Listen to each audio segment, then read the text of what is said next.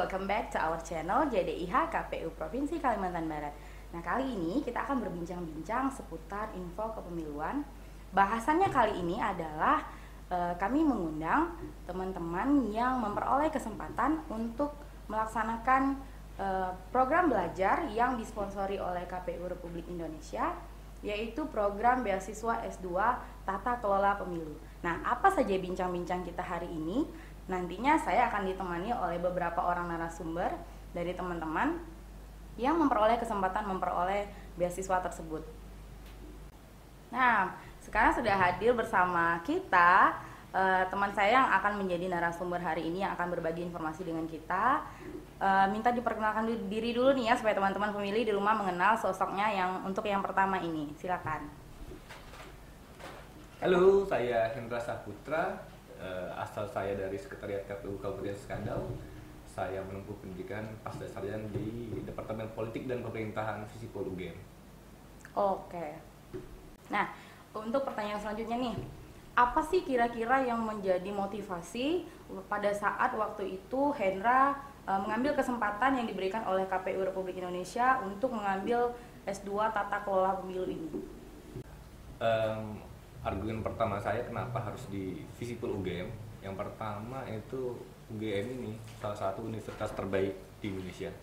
Nah yang kedua memang ketertarikan saya di ilmu politik itu uh, akhir-akhir tahun 2016 itu mengikuti politik internasional terkait uh, Arab Spring. Di situ saya mulai uh, membaca literatur literatur Dina Sulaiman yang mengkaji tentang hubungan internasional dengan basic saya yang uh, sarjana hukum uh, saya uh, begitu banyak apa kekurangan-kekurangan informasi tentang hal-hal uh, apa sih itu politik kajiannya cakupannya itu seperti apa saja sih seperti itu kira-kira. Sehingga pada tahun 2017 ketika KPU membuka uh, program uh, beasiswa tata kelola pemilu maka saya mengambil kesempatan itu. Dan kemudian uh, saya pikir program tata kelola pemilu sangat erat kaitannya dengan ilmu politik karena kajian atau skop dari uh, ilmu politik itu sendiri itu salah satu yang dikaji adalah uh, tentang kepemiluan. Nah, jadi di visual UGM itu uh, terutama di Departemen Politik dan Pemerintahan memang uh, ada uh, tiga konsentrasi. Salah satunya adalah uh, tata kelola pemilu situ saya belajar banyak hal tentang ilmu politik yang pada utamanya mengkaji tentang uh, kekuasaan. Kemudian bagaimana kekuasaan itu diperbutkan dipertahankan atau nantinya uh, apa akan dilengsarkan dan seterusnya. Nah. Nah selama menempuh pendidikan di sana ini kan pasti ada saja peristiwa-peristiwa seru atau kendala-kendala yang di, dihadapi pada saat e, menjalankan kuliah di sana gitu ya. Kira-kira apa nih bang ceritanya yang bisa dibagikan dengan teman pemilih, keseruan-keseruannya atau suasana kampusnya mungkin di sana? Kalau kendala itu mungkin lebih kepada faktor teknis teoretik ya. Maksudnya saya tidak punya latar belakang ilmu politik. Kemudian di semester 1 itu harus seperti apa ya putaran kipas angin itu tidak berhenti untuk terus uh, membaca lebih banyak literatur-literatur ilmu politik. Uh, kegiatan perkuliahan itu dari 7.30 sampai uh, pukul 17.00 dari Senin sampai hari Jumat. Nah, um, kebebasan saya itu untuk uh, raya-rayaan atau apa ya, males-malesan itu hanya di malam Sabtu. Nah, karena malam minggunya dan seterusnya itu harus mempersiapkan literatur-literatur untuk dipresentasikan atau untuk didiskusikan di kelas. Dan kemudian yang menariknya di Visipol UGM itu sangat egaliter. Di sana pengajar-pengajarnya itu tidak boleh dipanggil prof, dokter dan seterusnya. Kita hanya panggil mas atau mbak. Kalau yang sudah sepuh kita panggil pak.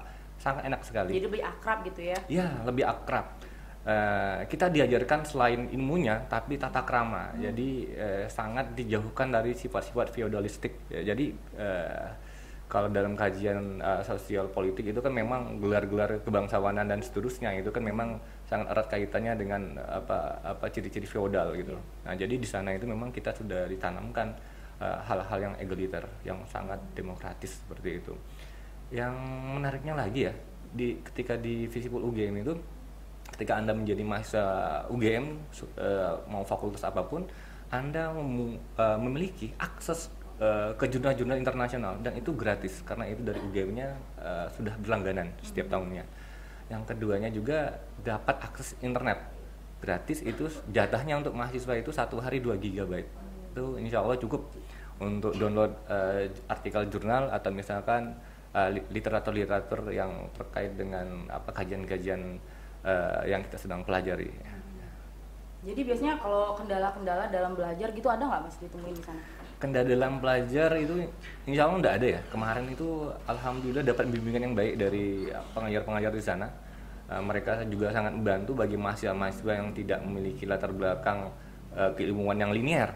Uh, selain saya yang uh, basis keilmuan hukum, ada juga teman-teman yang dari basis keilmuan kayak uh, teknik komputer atau teknik informatika juga ada yang mengambil apa uh, perkuliahan di departemen politik dan pemerintahan uh, walaupun uh, tidak memiliki basis ilmu politik tapi kita ketika sudah dinyatakan lulus sebagai mahasiswa departemen politik dan pemerintahan divisi UGM akan digemling atau diarahkan dibantu uh, untuk memahami apa itu politik dan apa itu sih uh, ilmu pemerintahan nah, sehingga kita dapat mengikuti perkuliahan itu dengan baik Oke disambil nih bang tehnya bang. Oh iya. Nah terus uh, pada saat perkuliahan itu di sana um, digabung nggak kelasnya dengan teman-teman lain yang tidak mengambil konsentrasi tata kelola pemilu? Iya digabung. Jadi um, divisi Pol UGM di DPP itu jadi di, Departemen Politik dan Pemerintah itu disingkat DPP hmm. jadi kita itu ada tiga konsentrasi politik nasional uh, politik lokal sama tata kelola pemilu dan sebenarnya itu uh, tidak ada yang membedakan hmm. nah jadi kalau di Visible UGM uh, penerima TKP itu penerima beasiswa TKP itu hanya penerima sumber dana saja tapi ya kuliahnya sama digabung jadi saya kuliah itu dengan teman-teman yang beda umur tuh 10 tahun saya kuliah itu ketika umur 33 jadi ketemu teman-teman itu yang umur 23 yang fresh hmm. graduate itu dan menarik sekali semangatnya uh, dan kemudian apa ya uh, kita juga jadi uh, terpicu untuk mengikuti ritme anak-anak ya, milenial secara belajarnya ya. dan sangat membantu. Nah, uh, untuk informasi nih Bang dengan teman-teman yang mungkin nanti akan tertarik mengambil tata kelola pemilu ini suasana kampusnya seperti apa sih? Asik nggak untuk belajar di sana? Kalau di Visible UGM ya suasananya itu enak sekali ya. Pertama memang iklim akademinya sangat dibangun sangat egaliter. Itu yang pertama itu sangat uh, apa ya mendorong kita tuh untuk belajar dengan rileks yang keduanya juga uh, kalau suasana kampusnya enak ya ruangannya sudah ya standar ya sudah ber AC perpustakaannya juga didesain dengan nyaman kemudian ada kantin dan kemudian ada juga kafe di situ yang uh, semuanya itu masuk dalam komplek uh, Visipol UGM. Nah kemudian ada juga minimarket di situ. Jadi uh, teman-teman yang kuliah di Visipol UGM, insya Allah uh, bakal betah, ngangenin pastinya. Setelah selesai menempuh sekolah S2 Tata Kelola Pemilu ini, ada nggak inovasi yang diterapkan setelah pulang nih ke satkernya kembali? Oh jelas ada dong uh, pertama ketika setelah menempuh pendidikan S2 itu saya baru sadar bahwa politik itu tidak seperti kebanyakan orang yang memberikan stigma negatif. Makanya uh, tagline dari Departemen Politik Pemerintahan itu itu seperti yang ada di topi saya, Humanizing Politics. Maksudnya adalah begini, uh, kita ingin mengenalkan pada dunia bahwa politik itu sebenarnya untuk memanusiakan manusia. Ya mungkin mirip-mirip lah dengan uh, tagline-nya hukum progresif itu ya, memanusiakan manusia.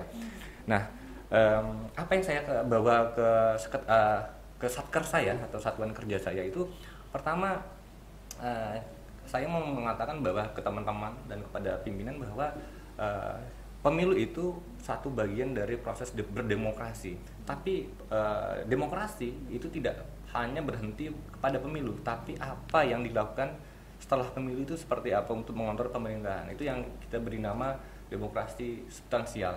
Nah, selama ini kita hanya memahami demokrasi itu sangat prosedural. Nah, itu kan sangat apa ya? Kalau di ilmu politik itu sangat sukumpeterian banget. Nah, sedangkan kita ingin menggabungkan nih sudah sukumpeterian yang prosedur itu, nah kita juga perlu tuh demokrasi yang substansial itu.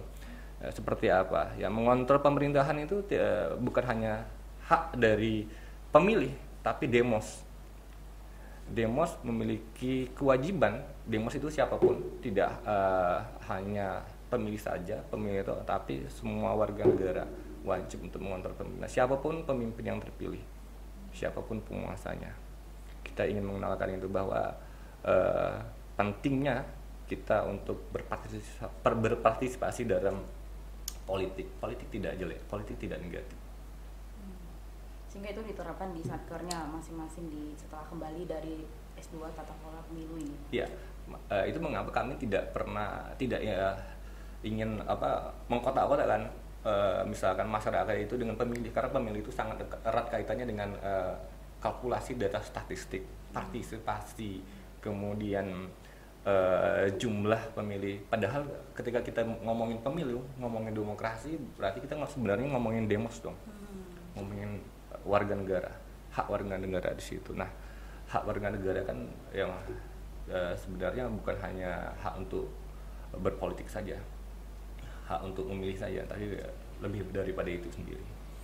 Jadi penting bagi kita untuk mengingatkan masyarakat e, mau yang punya hak pilih ataupun tidak punya hak pilih e, punya kewajiban untuk memperbaiki negara ini untuk memperbaiki pemerintahan untuk mengontrol pemerintahan Oke, Bang Hendra, pesan-pesannya nih untuk teman-teman yang punya kesempatan sebetulnya untuk mengambil S2 Tata Kelola Pemilu ini, tapi masih ragu atau belum yakin atau masih mempertimbangkan hal-hal lainnya, kira-kira apa sih yang e, bisa Bang Hendra sampaikan e, tentang S2 Tata Kelola Pemilu ini? Pertama untuk teman-teman di sekretariat ya sayang banget kalau misalkan ini kesempatan tidak diambil karena ini sangat-sangat e, memberikan kita pengalaman baru, tentang wawasan baru tentang uh, politik kepemiluan atau misalkan uh, politik secara umum ya itu sangat menarik sekali.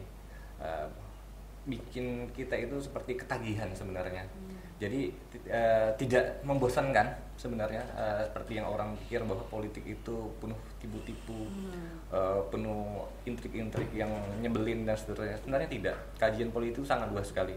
Bukan hanya sekedar politik elektoral tapi banyak sekali kesempatan itu tidak datang dua kali ya kan? Uh, dan kemudian juga beasiswa itu ada batasan umurnya. Sayang kalau tidak dimanfaatkan sekarang. Yang kosin loh oleh negara. Uh, ada apa uh, life costnya uang apa untuk uh, kehidupan gitu kan selama apa menempuh studi dua tahun kemudian uh, SPP dibayarin. Uh, lulus. Uh, ibaratnya tidak ada yang dirugikan gitu. Hmm. hak-hak sebagai pegawai juga tetap dibayarkan tetap dapat uh, tukin tetap dapat gaji. Ya sayang kalau tidak diambil. Ya mungkin Yuli nanti harus ngambil lah. Oke bakal dipertimbangkan ya Bang Hendra ya. Oke terima kasih nih pesan-pesannya. Semoga teman-teman yang belum mengambil kesempatan ini jadi lebih tertarik untuk mengambil S2 Tata Kelola Pemilu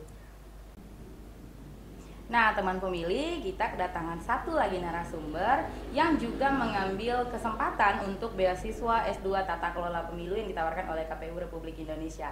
Kenalan yuk. Nah, untuk lebih dekat dengan e, narasumber kita yang kedua, kita minta diperkenalkan dulu nih Bang, profil singkatnya. Baik, uh, hai teman pemilih, perkenalkan saya Fadli Banenggolan. Saya kerja di Satker KPU Sanggau.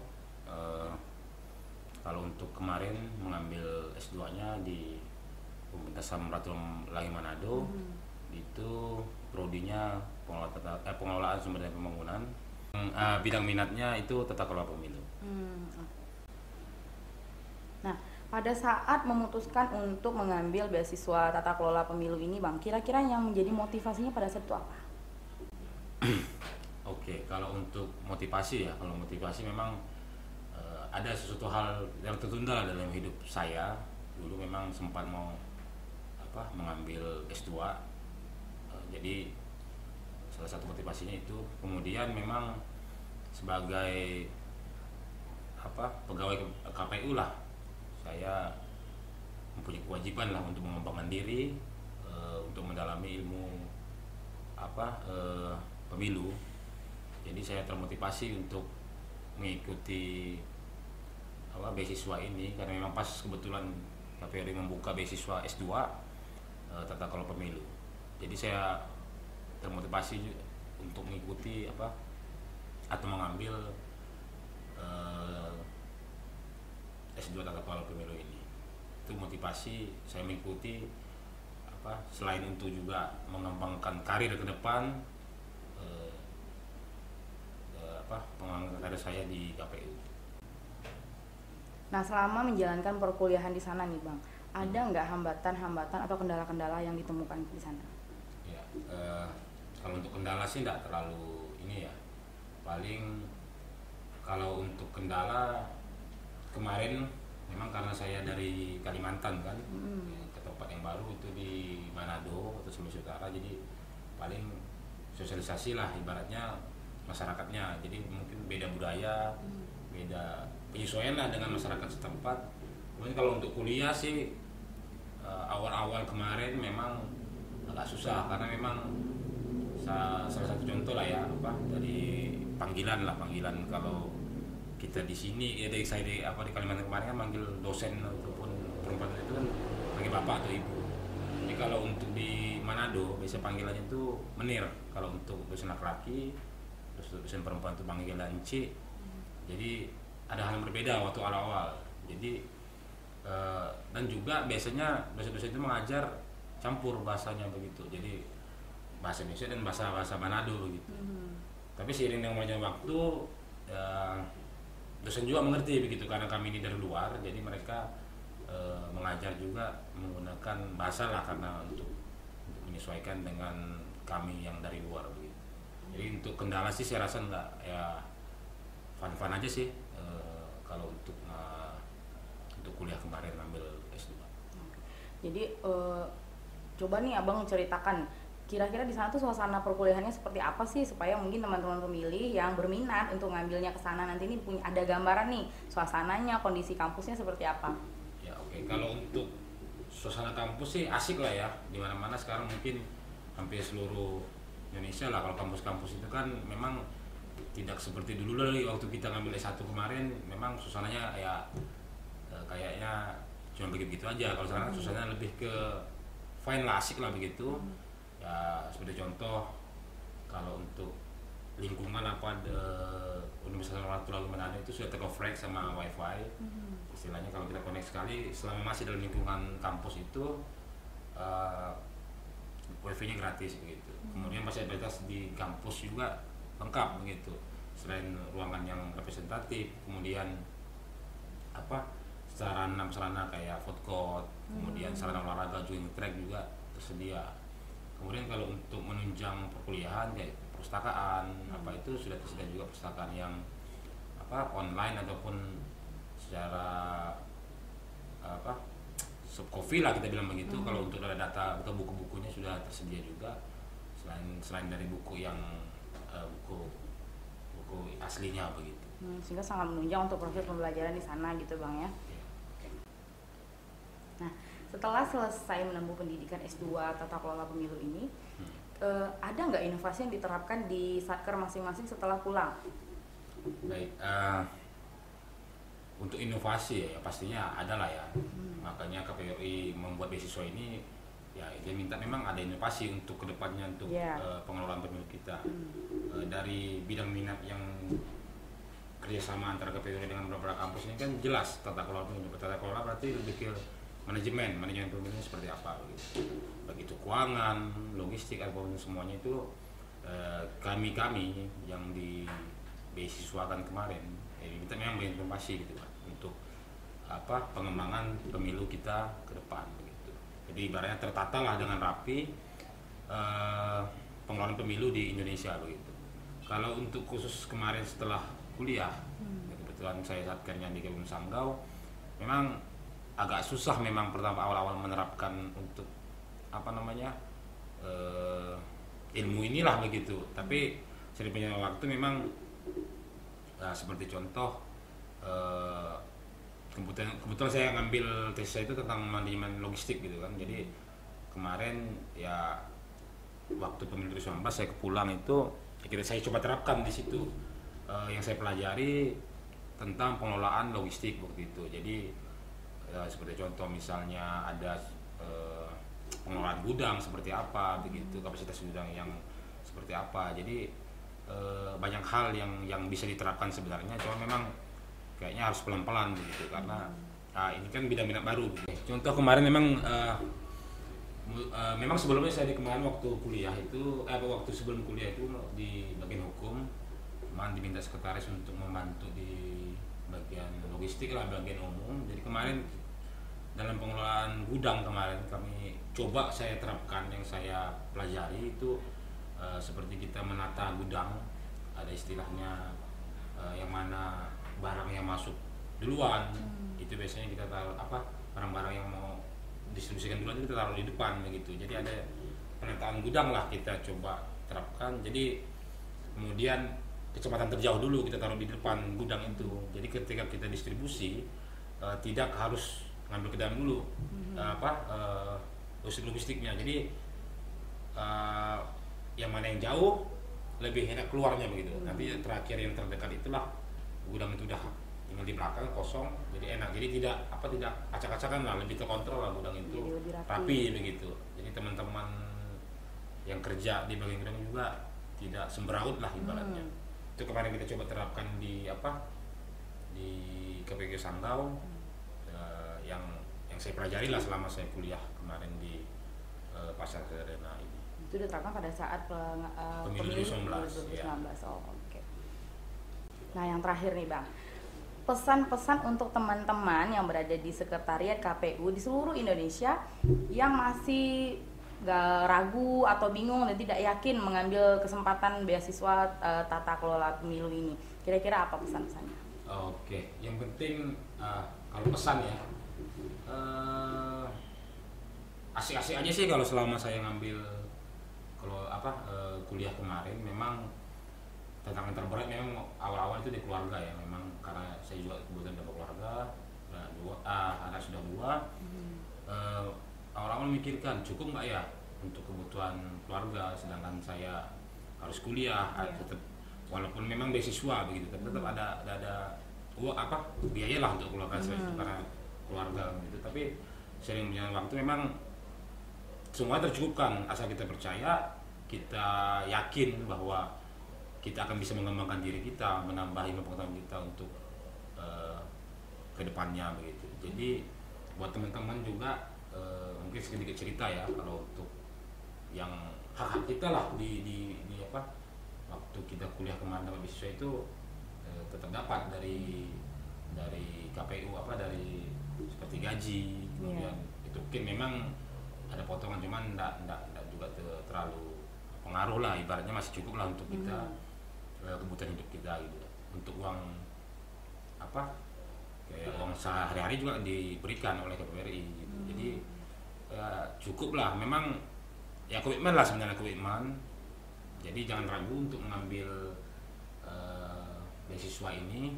Karena kalau kita yakin semuanya pasti tercukupkan mungkin itu buat teman-teman ya, mungkin kalau untuk teman-teman pemilih belum mungkin ini khusus untuk apa teman-teman di teman-teman di sekretariat sekretariat KPU Di RI seluruh lah Indonesia ya. Nah, teman pemilih, kita kedatangan satu lagi narasumber yang juga mengambil kesempatan untuk memperoleh beasiswa S2 Tata Kelola Pemilu yang dipromosikan oleh KPU Republik Indonesia. Mari kita kenalan dengan sosok tersebut. Nah, teman pemilih, untuk mengenal lebih dekat profil yang narasumber kali ini, kita minta untuk memperkenalkan diri dulu nih, Mbak, silakan. Eh, halo, nama saya Ika Kartika. Eh, pada saat saya mengambil S2 TKP, itu saya masih berada di KPU Kabupaten Skadau.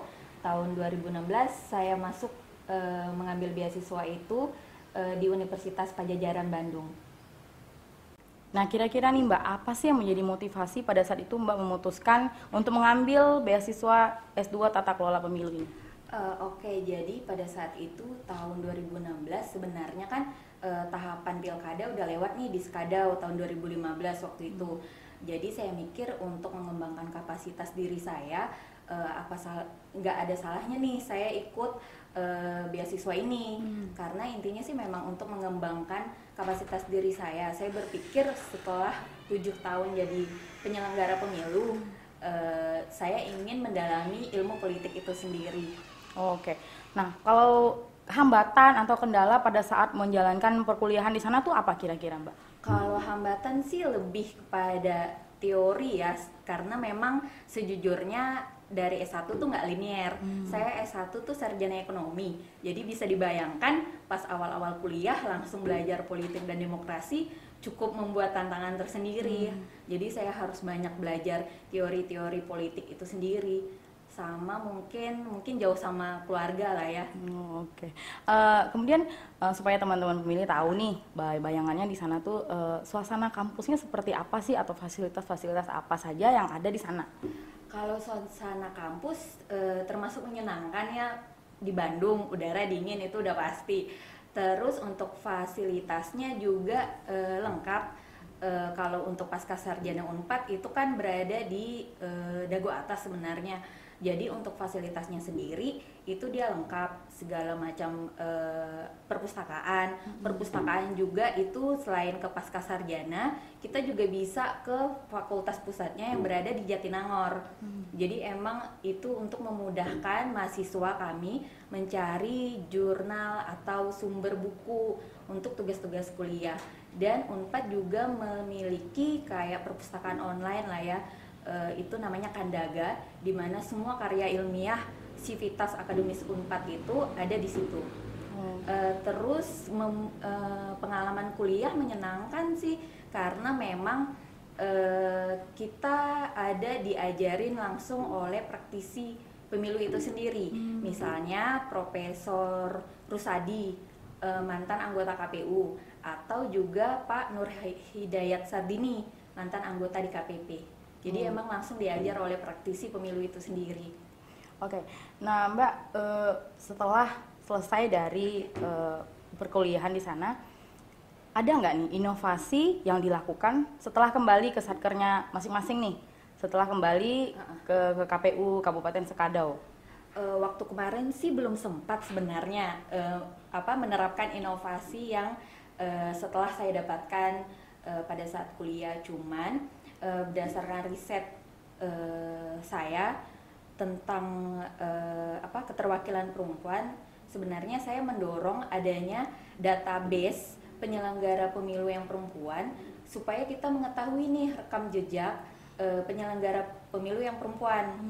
Terus eh, mendorong juga sosialisasi. Sekarang kan mindsetnya tuh istilahnya bagaimana partisipasi pemilih perempuan itu meningkat. Tapi kenapa tidak sekalian kita mendorong untuk perempuan berpartisipasi menjadi penyelenggara pemilu itu sendiri? Jadi kapasitas kepe- kepemiluan perempuan itu memang didorong untuk menjadi penyelenggara pemilu. Karena saya tahu eh, dan sadar kadang tuh di bawah badan ad hoc untuk mencari penyelenggara pemilu perempuan itu sebenarnya susah. Kenapa kita tidak mendorong sosialisasi yang eh, mendorong nih bukan hanya menjadi pemilih, perempuannya juga ikut serta aktif menjadi penyelenggara pemilu. Oh, Oke, menarik sekali ya Mbak ya. Nah, agar teman-teman pemilih atau teman-teman di sekretariat KPU seluruh Indonesia eh, bisa merasa tertarik nih dengan program beasiswa eh, pasca sarjana Oke. tata kelola pemilu. Ada nggak nih Mbak pesan-pesan dari Mbak eh, untuk teman-teman yang belum yakin atau masih ragu untuk mengambil kesempatan ini? Beasiswa TKP ini adalah kesempatan yang langka. Saya mendorong teman-teman agar ketika dibuka kembali eh, beasiswa TKP ini eh, untuk mengikuti karena berbagai manfaat yang saya dapat. Contohnya ini merubah bagaimana saya berpikir, terus mendapatkan perspektif politik eh, dari berbagai sisi, eh, diajari oleh praktisi pemilu secara langsung. Dan yang terakhir eh, saya mendorong teman-teman untuk mengambil beasiswa TKP ini adalah eh, belajar politik itu bukan hal yang tabu bagi perempuan. Banyak hal menarik yang akan kita dapatkan ketika belajar politik. Dan sebagai penyelenggara pemilu, eh, baiknya selain pengalaman, kita juga mendapatkan ilmu tentang pem- kepemiluan itu sendiri. Nah, terima kasih nih Mbak Ika sudah berbincang-bincang dengan kita, menambah wawasan dan pengetahuan tentang beasiswa tata kelola pemilu itu sendiri. Nah, teman pemilih, ini dia ketiga narasumber kita yang sudah memberikan informasi banyak sekali tentang beasiswa tata kelola pemilu yang dipromosikan oleh KPU Republik Indonesia. Teman-teman kita ini dari Provinsi Kalimantan Barat semuanya ber, uh, pada saat mendapatkan beasiswa berada di satker masing-masing di KPU Kabupaten. Mereka lulus dengan hasil yang sangat memuaskan sehingga teman pemilih atau teman-teman di Sekretariat KPU Republik Indonesia ataupun ke Sekretariat KPU seluruh Indonesia jangan ragu lagi untuk mengambil kesempatan tersebut. Nah, teman pemilih, sekian dulu bincang kita uh, pada hari ini. Jangan lupa like, subscribe, dan share